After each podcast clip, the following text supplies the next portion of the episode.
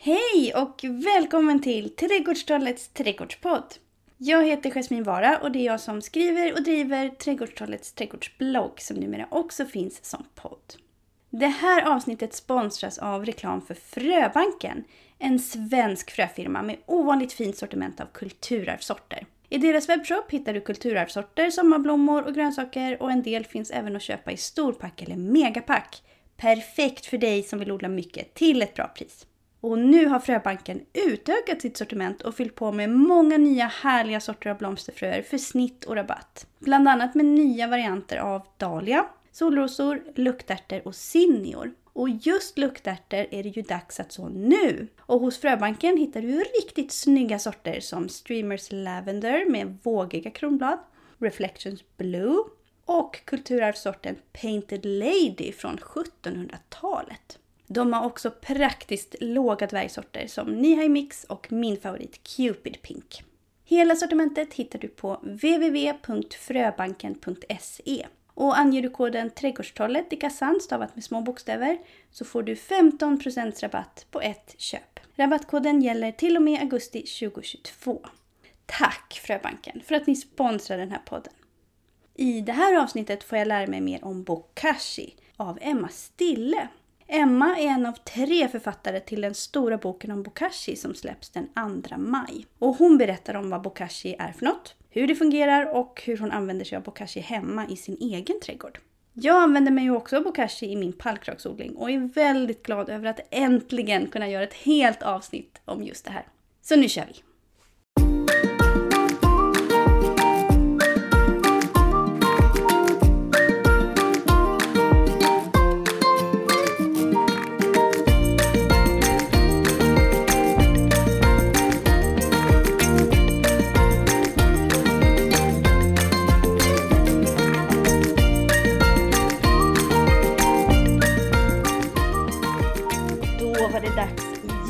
Hej och välkommen till podden. Här sitter jag i våren som kom av sig lite i mitt mysiga kontor med vinden som viner utanför.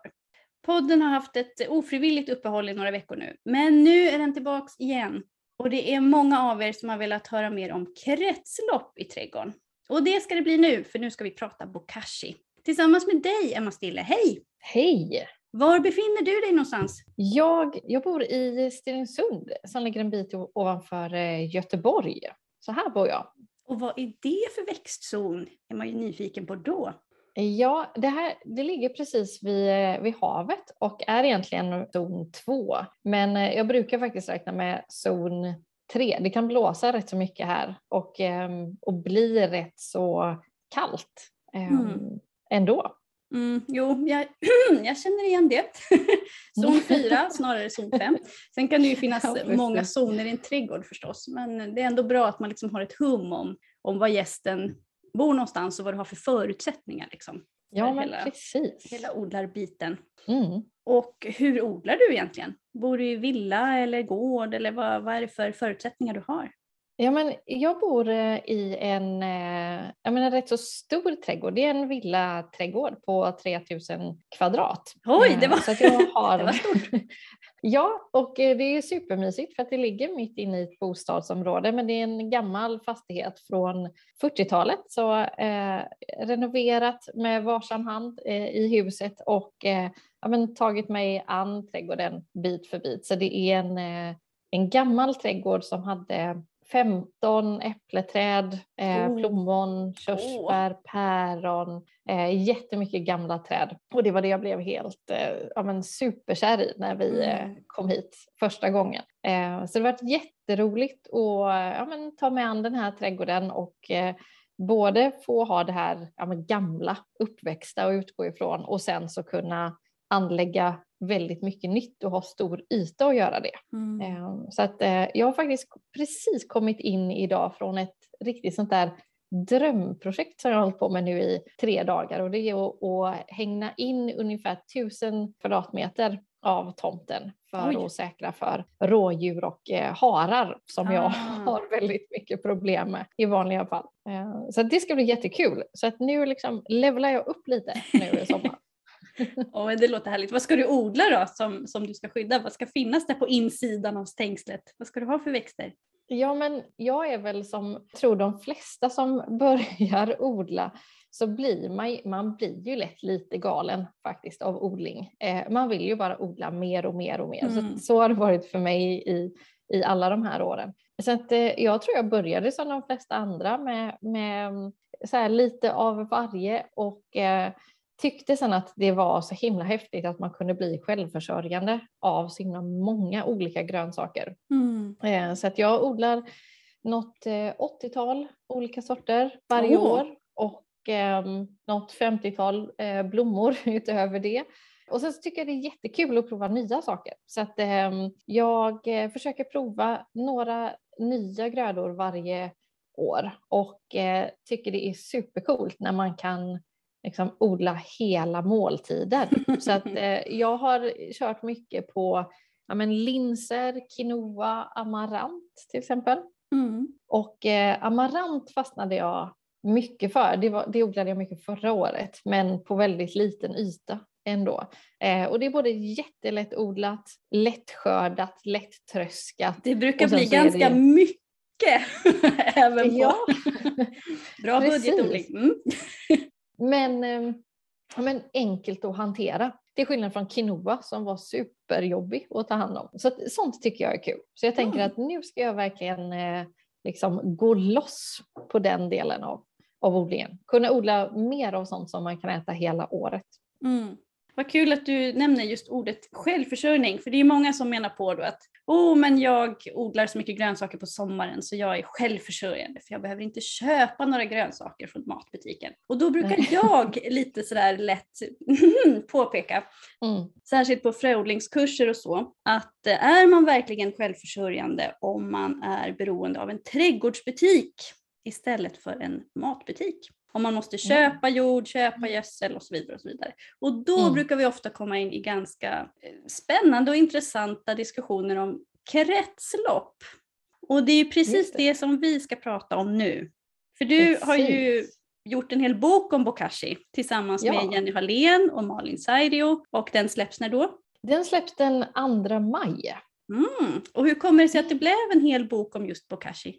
Ja, men Malin och eh, Jenny har ju jobbat med Bokashi i eh, jättemånga år, 15 år snart. Och eh, Jenny är den som ja, men, introducerade Bokashi i Sverige, så att de har ju en, en lång historik med det och jobbar med det som, mm. som sina jobb. Och jag och Malin, vi är, är gamla kompisar och ehm, har ja, men lite så här upptäckt odling tillsammans. Vi har liksom gjort det på varsitt håll men ändå haft det som ett, ja, men ett gemensamt intresse. Och eh, för mig, jag har flyttat runt mellan eh, både storstad och lite olika trädgårdar och precis som du säger, när, när man väl börjar odla och förstår att just det, det är jorden det handlar om. Ja, eh, egentligen odlar vi inte grönsaker, vi odlar nej, jord. Precis. Eh, och när man kommer på det, då inser man också så att okej, okay, wow.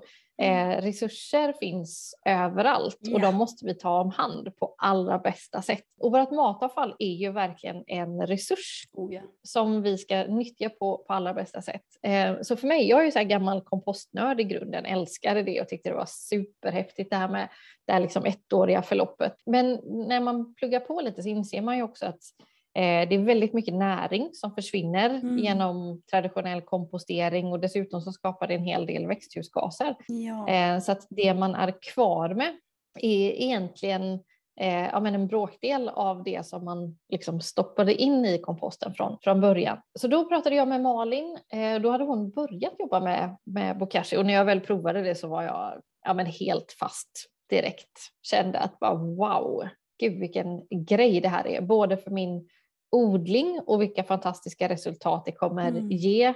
Men också att man kan ändå känna sig lite så som en miljöhjälte också för man gör verkligen en insats. Så att jag och Malin, vi har egentligen pratat i flera år om att skriva en bok för det finns ingen heltäckande bok på ämnet mm. i Sverige.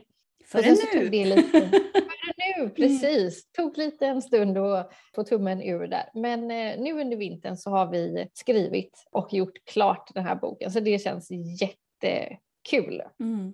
Nej, och något mm. som jag, jag tycker också om Bokashi fantastiskt mycket, det är precis som du säger en fantastisk resurs och en av de grejerna som jag gillar allra mest med Bokashi det är att det är så arbetsbesparande. En Mm. vanlig traditionell kompost, det är ju, herregud vad man fnattar runt. Man är ju som en pingpongboll i trädgården. Mm. Man Ja. ska samla ihop och man ska gå bort med det och det ska vändas och det ska fixas och det ska luftas och sen ska man Mm. springa tillbaks med det. Det, det är väldigt arbetsbesparande med Mm. bokashi. Ja men det är ju det och för mig, jag, jag odlar en väldigt stor yta eh, så att jag måste verkligen också ha ja, men så effektiva, enkla lösningar för annars så tar det alldeles för, för lång tid och stora delar av mitt odlande har alltid liksom skett tillsammans med, med små barn också. Mm. Ehm, och då måste tid. man verkligen Precis, då måste man verkligen vara, vara snabb och effektiv. Så att det är precis som du säger, bokashin den, den sköter sig väldigt mycket själv. Den är extremt lätthanterad och när jag, jag kommer aldrig glömma det när jag grävde ner min första hink och sen så var det tre veckor senare så var det jord. Tada! Eh, det, precis. Det var, det var så att jag knappt kunde tro att det var, var sant. Mm. Ehm, och det är också en väldigt stor skillnad mot liksom, traditionell kompostering på det sättet. Så för mig passar det jättebra. Och sen så tycker jag en av de stora fördelarna det är just också att man kan hålla på med det så, så mycket större del av året. Ja, verkligen. Man kan sprida ut, man behöver inte slita ihjäl sig vår och höst Nej. utan man kan sprida ut det. Ja, jag håller med. Amen, Precis. halleluja. Mm. Ja.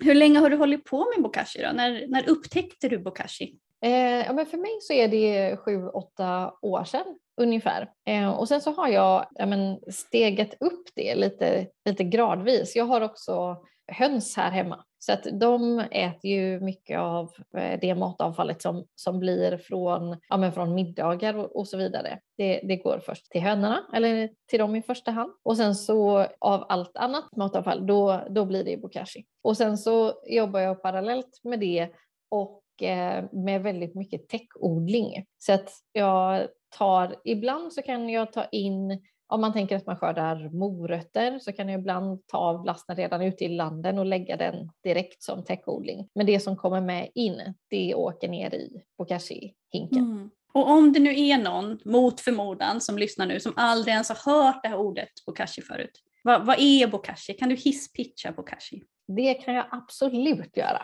Ja, men Bokashi är en superenkel metod för att hantera ditt matavfall. Som istället för att bygga på förruttnelse eller traditionell kompostering så fermenterar man sitt avfall. Så man har en eh, lufttät hink och ett strö eller en spray och så varvar man sina matrester. Man tömmer dem en gång per dag. Lite strö eller lite spray och så på med locket. Det är det du gör låter hinken stå i två veckor och sen gräver du ner det och så tre veckor senare har du jord.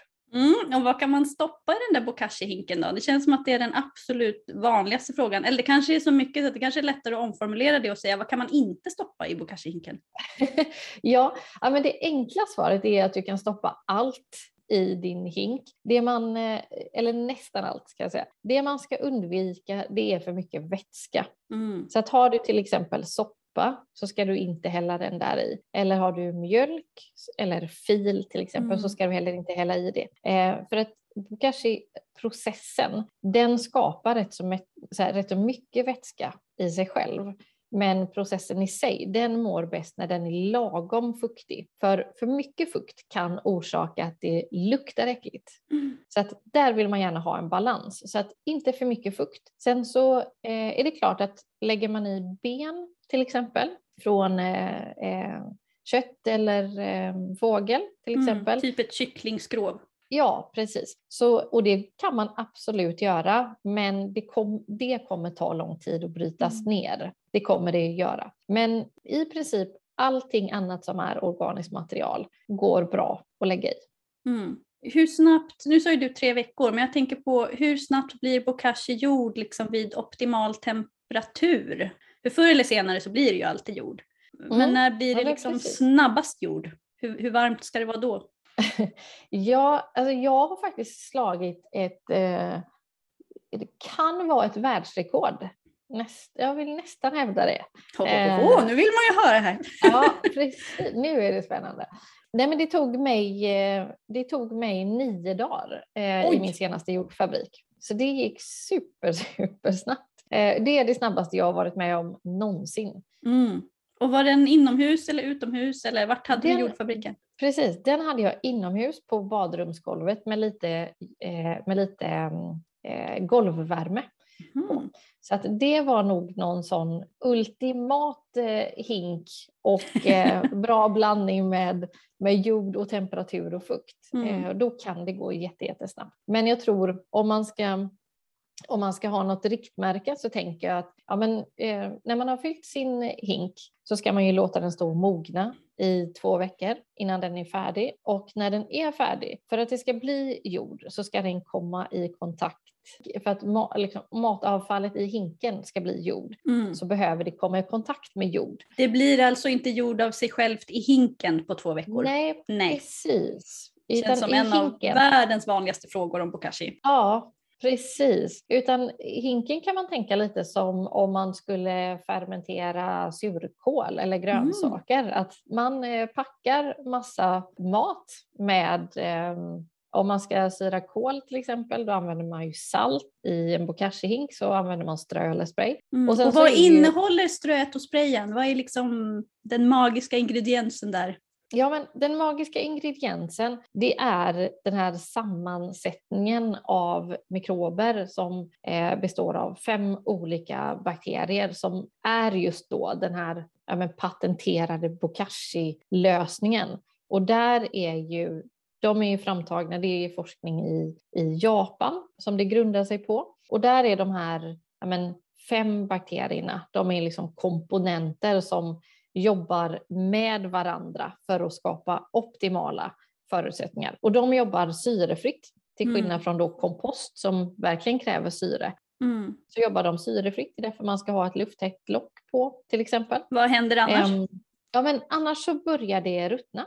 Ehm, och det så börjar att- lukta, säger jag Det- av egen ja, erfarenhet. precis. När vi inte stängde den riktigt ordentligt en gång. Voj, voj. Ja, Uh. ja precis. Nej, men det gör det. Så att man, man behöver ha en, ett, eh, ett lufttätt lock för att processen ska gå, liksom gå som den ska. Och det är just i den här syrefria miljön som de här bakterierna jobbar som allra bäst. Så när, när de får, eh, ja, men får fatt på allt det här matavfallet, det är ju som, det är ju som mat för Mm. dem. Då Julbord. förökar de sig Buffé. Precis, ja. ja men då förökar de sig, börjar bearbeta allt det här materialet och sen när det kommer i kontakt med jorden och med dem, med jordbakterierna, det är då den här häftiga processen startar. Och vi brukar ju pra- prata om omvandling, Mm. att matavfallet omvandlas till jord när det kommer i kontakt med, med jord, Mm. snarare än att det bryts ner, utan det blir från mat till jord.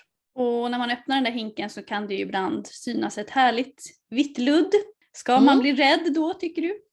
Nej, det behöver man inte eh, bli alls, utan eh, det är själva gästsvampen i den här blandningen som har jobbat på. Så då vet man bara att okej, vad bra, då funkar det. Mm. Eh, och sen så ska det ju lukta väldigt syrligt. Om, om, det luktar, om det luktar väldigt äckligt. Nu är, nu är jag en av de där, jag, och tro mig, jag har gjort några sådana hinkar som luktar död. Eh, Surströmming, ja. Ja, precis. Eh, när man antingen har glömt att stänga locket helt och så. Men det är, också, så här, det är också det värsta som kan hända. Det är det värsta i princip som kan hända. Det är att det luktar illa. Och då är Mm. det egentligen bara att här, sätta på locket, gräva ner det och så, och så börjar man om. Det Mm. kommer bli jord det, det också. Mm. Men för de optimala förutsättningarna och gärna om man har lite så här kinkigare familjemedlemmar och så, eh, då är det ju bra om det inte luktar för mycket. Så Mm. det ska lukta syrligt som när man syrar eller fermenterar annan mat. Och sen så kan ju själva vätskan som man tappar av om man har en, en hink med kran, Mm. den kan ju också lukta ehm, ja, eh, skumt. Eh, men Det är inte det är Channel heller number five, så mycket kan vi säga. Det är inte. Nej. Nej, det är det inte. Men det är heller ingen fara. Den kan lukta i princip hur äckligt som helst utan att det är någonting fel på den. Men, men man kan använda näsan lite för att lukta i hinken om, om den mår bra eller, eller inte. Mm. Men eh, vitt ludd eller lukt behöver man inte vara rädd för. Det är inget farligt. Mm. Finns det några nackdelar med bokashi? Jag har svårt att komma Ja, men- på några faktiskt själv. Jag har suttit och klurat ganska länge på den frågan. Ja. Nej, men det är ju att man alltid har för lite material. Mm. Ehm, jag har ju börjat ta, jag har ju börjat få matavfall nu från mina grannar. jag, har ändå alltid brist och jag, jag kan vara den som, ja, men som nu sitter och funderar med hela den här nya stora odlingsytan. Så jag så här. Ja, men kanske måste jag gå och fråga nu liksom radhusområdet här bredvid mm. om jag kan få deras såna stora soptunna med, eh, med, med matavfall. Mm. Um, för det tycker jag är, det kommer man på direkt att när man har fyllt sin första hink, när man har grävt ner den i jorden så blir man ju nästan lite så här, jaha, vad kan jag hitta nu mm. som jag ska stoppa ner i den här hinken? Ska jag skala en morot till kanske? Um, Nej, jag bara skrattar, det... jag känner igen känslan precis. Ja, ja. Så att eh, det, det, blir lite att man får lite den känslan eh, av liksom hoarding fast ur ett positivt perspektiv. Komposthording. Men apropå Precis. gräva då, du säger ju man, man ähm, gräver ner det här i jorden. Om man inte kan gräva då, om det är vinter, hur gör du på vintern med din bokashi? Ehm, ja, men en, av, en av fördelarna med eh, bokashi tycker jag dels är att arbetssäsongen, lite som vi sa innan, är så mycket längre. Så att självklart kan man ju inte gräva när det är fruset i, i jorden.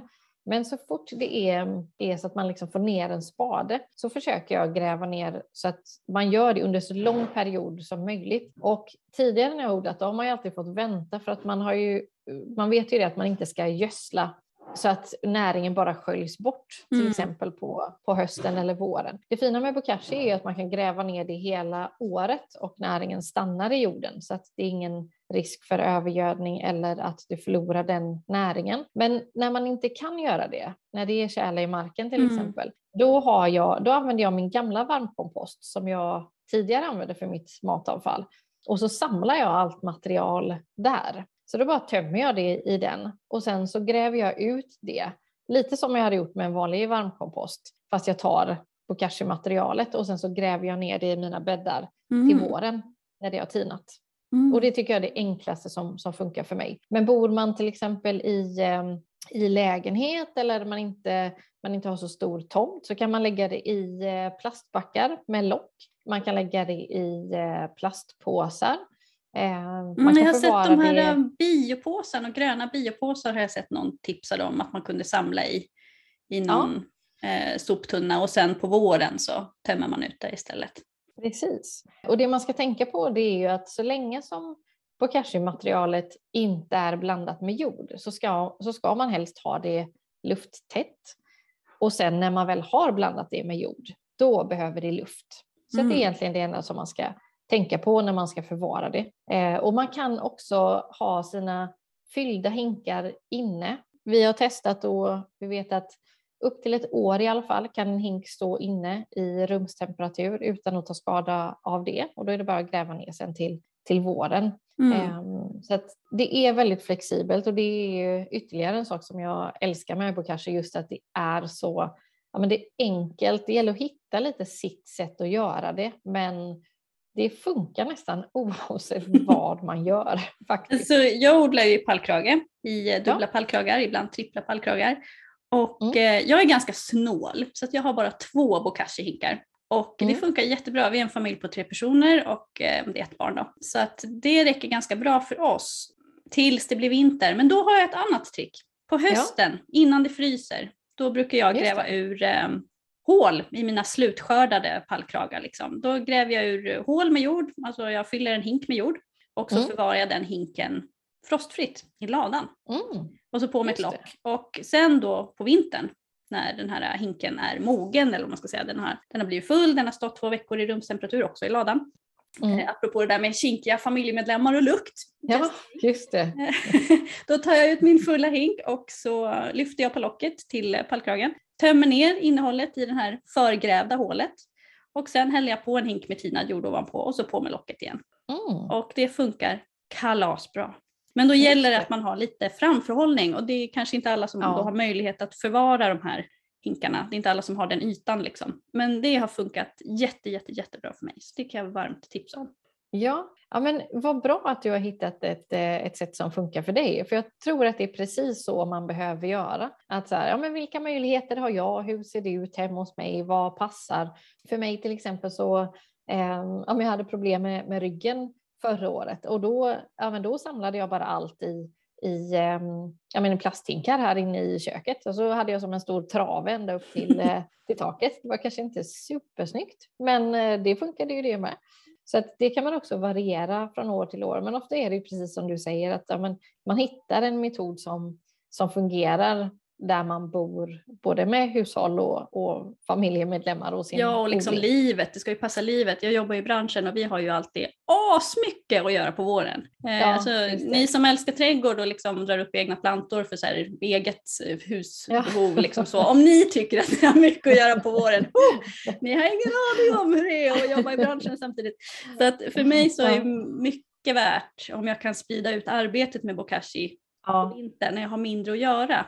Så mm, att jag inte har ja. liksom ett berg med hinkar som jag ska ta rätt på på våren för då jag, jag hinner inte det, det är omöjligt. Jag har så ja. mycket annat att göra. Ja. Så att ju mer man kan sprida ut liksom arbetet desto bättre, tänker jag. Ja, ja men vad fint. Då måste jag också fråga, apropå då det här att jag är lite snål, måste man använda köpeprodukter till sin bokashi? Kan man göra eget strö? Kan man liksom hålla nere kostnaderna på något sätt? Man kan göra egen hink till exempel om man nu vill det. Kan man mm. göra eget strö också? Eller spray. Precis. Man kan göra både eget strö och eh, egen, eh, egen spray. Och det är ju ehm, eh, egentligen inte alls eh, svårt. Det, det, man ska, eh, det man ska tänka på det är ju att man att man utgår från EM då som det, som det kallas, som är liksom de här effektiva mikroorganismerna. Och det man vill åt, det, det, finns en hel del olika blandningar ute på, på marknaden. Nu är jag ju såklart en bokashi-förespråkare utifrån grundreceptet. Och sen så behöver man eh, ett, eh, ett eh, recept som, som givetvis kommer finnas i boken. Kan ju mm-hmm. promota den lite på alla de här sakerna. Och jag har faktiskt bara provat att göra det här själv en gång. Jag är lat på det sättet så jag tycker det är mycket enklare att köpa färdigt strö av och Malin och, och Jenny. Men då, det blir ju som en bryggning där man använder eh, ett grovt kli som det ska blandas med och sen så melass som är mat då för bakterierna. Och så aktiverar man dem och sen så börjar de jobba då i det här ströet som du sen kan använda. Eller så kan du aktivera och göra spray av. Eh, och när du säger aktivera, av... då menar du blanda helt enkelt? Ja, precis. Det är för att de här mikroberna ska få näring och då börjar de jobba. Och sen så behöver de ju ha någonting, en, en hemvist eh, mm. som är det här ströt då, så att man kan sen spara det och använda i sina hinkar. Eh, mm. Så det kan man absolut och det finns eh, Allting finns ju eh, att köpa hos eh, på kanske.se som du behöver om du vill göra det hemma själv. Mm. Och vill du inte göra det så kan du beställa allting som som finns där också. Och man kan också googla. Det finns eh, massa recept och, och um, kunskap ute på nätet också om man är nyfiken på att fördjupa sig i det. Mm. Jag vet ju att det finns ju såna här extrema budgetodlare som eh, brukar göra av risvatten eller surdegsvatten eh, och allt möjligt. Och det kan man ju, alltså det går ju, men det är ju inte då, då är det ju inte de här fem bakterierna Nej, precis. Det blir ju inte, är... det blir inte exakt samma, det ruttnar ju, alltså allting ruttnar ju förr eller senare. Det är inte så att det liksom inte ruttnar, men det blir ju inte samma sak. Nej precis, då är det ju inte bokashi utan bokashi är ju just den här blandningen av, eh, av de här liksom fem bakterierna som är sammansatta just av den här specifika anledningen att, att man vill att de både ska jobba med, med själva matavfallet och sen med jorden. Eh, mm. Sen så kan man ju fermentera allt. Eh, man kan fermentera precis vad som helst, men, mm. men det är inte samma sak. Så att mm. det, det, ska man skilja lite på. Mm. Jag har hört att sushi betyder sweet rice på engelska. Vad betyder mm. själva ordet bokashi? Sweet compost? Har du någon aning? Det är japanska i alla fall, ja, så mycket har jag listat ut. Precis, det lät ju väldigt gulligt, sweet compost. Eh, nej men det finns egentligen flera olika betydelser, men, men eh, den mest eh, meningsfulla eller den som är, är, enklast att använda det är att det betyder fermenterat organiskt avfall. Mm. Ja, det var ju väldigt kort och enkelt, men, men jag förstår vad du menar. Det är ju korrekt. Alltså, ja. ja, precis. Men eh, alltså, vilka är de absolut vanligaste frågorna du brukar få om bokashi? För det känns som att bokashi har hängt med nu i några år och Mm. många har ett hum om vad bokashi är. Ja. Men det har inte riktigt, riktigt nått riktigt alla. Nej. Jag anar att ni har vissa frågor som kommer återkommande på repeat. Ja, men jag, jag tycker vi har tagit några av de här också. Jag tycker det skiljer sig lite eh, om det är någon som aldrig... Nu rör ju jag mig också väl, i väldigt mycket ja, men kretsar med människor som gillar odling och som, som Mm. vet vad det, vad, det, vad, det, vad det är för någonting. Då får man lite andra frågor. Men eh, det är ju också rätt stor del av men svenska befolkningen som fortfarande inte har, hört talas om bokashi. Mm. Så- Så då, då är ju vanlig, allra vanligaste frågan är ju vad, vad är det? Så får man börja i den änden. Mm. Och sen så är det precis som du säger, ja men hur fungerar det? Vad är skillnaden mot kompost? Varför ska man göra det? Hur gör man? Eh, är det svårt? Som du frågade, hur gör man på vintern? Eh, luktar det inte äckligt? Eh, är det dyrt? Och sen så den roligaste frågan är ju så här, blir det bra? Det är min favoritfråga. Så den brukar jag alltid stanna extra länge på. För att det blir ju fantastisk jord. Mm. Det är ju, om man struntar i och bryr sig om alla de andra fina sakerna, just att det är enkelt och det är lättillgängligt och man gör en insats för miljön och alla de bitarna, så blir det ju fantastisk jord. Mm. Jag märker så otroligt stor skillnad på min jord och där jag har grävt ner bokashi eh, och där jag inte har gjort det. Mm. Till och med nu på våren så märker jag att det tinar tidigare i de ytorna med mycket bokashi-jord kontra de som inte gör det. Mm. Så att det är någonting med det där mikrolivet som skapas i den jorden som, eh, ja, men som verkligen är bra. Jorden får ju en... Eh, alltså, jag har en rätt så tung lerjord här och strukturen i sig kommer ju aldrig skifta. Det kommer alltid vara en lerjord. Men den är ju otroligt mycket mer levande. Den är svart, lagom fuktig. Eh, Mm. man Den håller gräver fukt bra. Jag håller med. Alltså lagom fukt Precis. håller den bra. Lagom fukt, ja. Mm. Och man kan ta upp och liksom så här kram. Det är nästan som en så här urkramad svamp känns det som liksom, när man Mm. kramar ihop den. Superfin jord skapas. Och sen så använder jag ju täckodling väldigt mycket som, som komplement. Så på de ytorna, de är super, superfina. Det är, det är nästan som man inte vill eh, odla grönsaker på dem ens för att det är så fin jord. Men mär, märker du någon skillnad på grönsakerna då?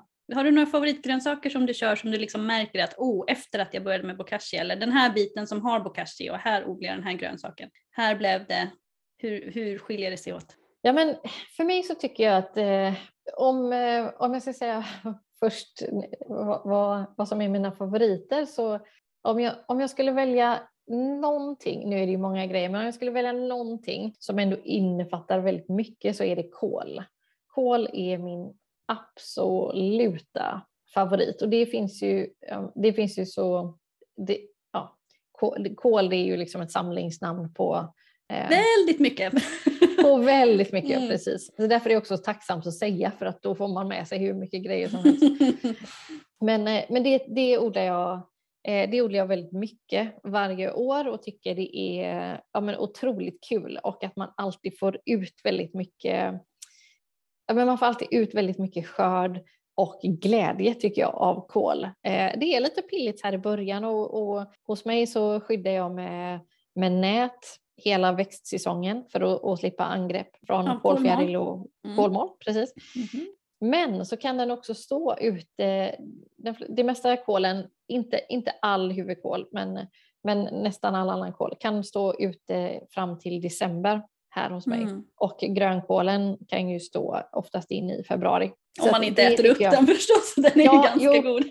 Absolut, Mm. absolut. Men jag brukar sätta ut ungefär 120 planter varje år. Ehm, Så det räcker en hel säsong för oss. Men, men där är jag, är det, någon, är det några bäddar som jag verkligen fjäskar med, med både bokashi och med gräsklipp så är det ju dem. För de kräver väldigt mycket näring och när jag väl har lagt på det där nätet så vill jag heller inte vara där och pilla. Mm, jag förstår. Utan eh, där vill jag verkligen att det ska klara sig själv och klara sig utan bevattning. Så att Mm. där, maxar jag med bokashi och sen med ett tjockt lager gräsklipp eh, och så lägger jag på nät och eh, förankrar och sen så låter jag det vara i princip hela säsongen tills jag börjar skörda. Mm. Och det brukar fungera superbra. Och det har jag inte klarat något annat år när jag odlat utan bokashi. Mm. att det gör en, en stor skillnad för hur ja, men växterna eh, både klarar sig och hur de blir liksom robusta mm. under en säsong. Mm. Nej, jag håller med och jag, framförallt även om man Även om man stödgödslar efter att man har lagt dit bokashin så upplever jag att de bäddar som har bokashi, de, man får ett bättre gensvar de, mm. av, av gödslingen än vad man får mm. om det inte hade funnits bokashi där. Det är precis som att det är liksom bättre ledningsbanor eller vad man ska säga. Mm. Grönsaken får liksom en större sked att äta med. Ja.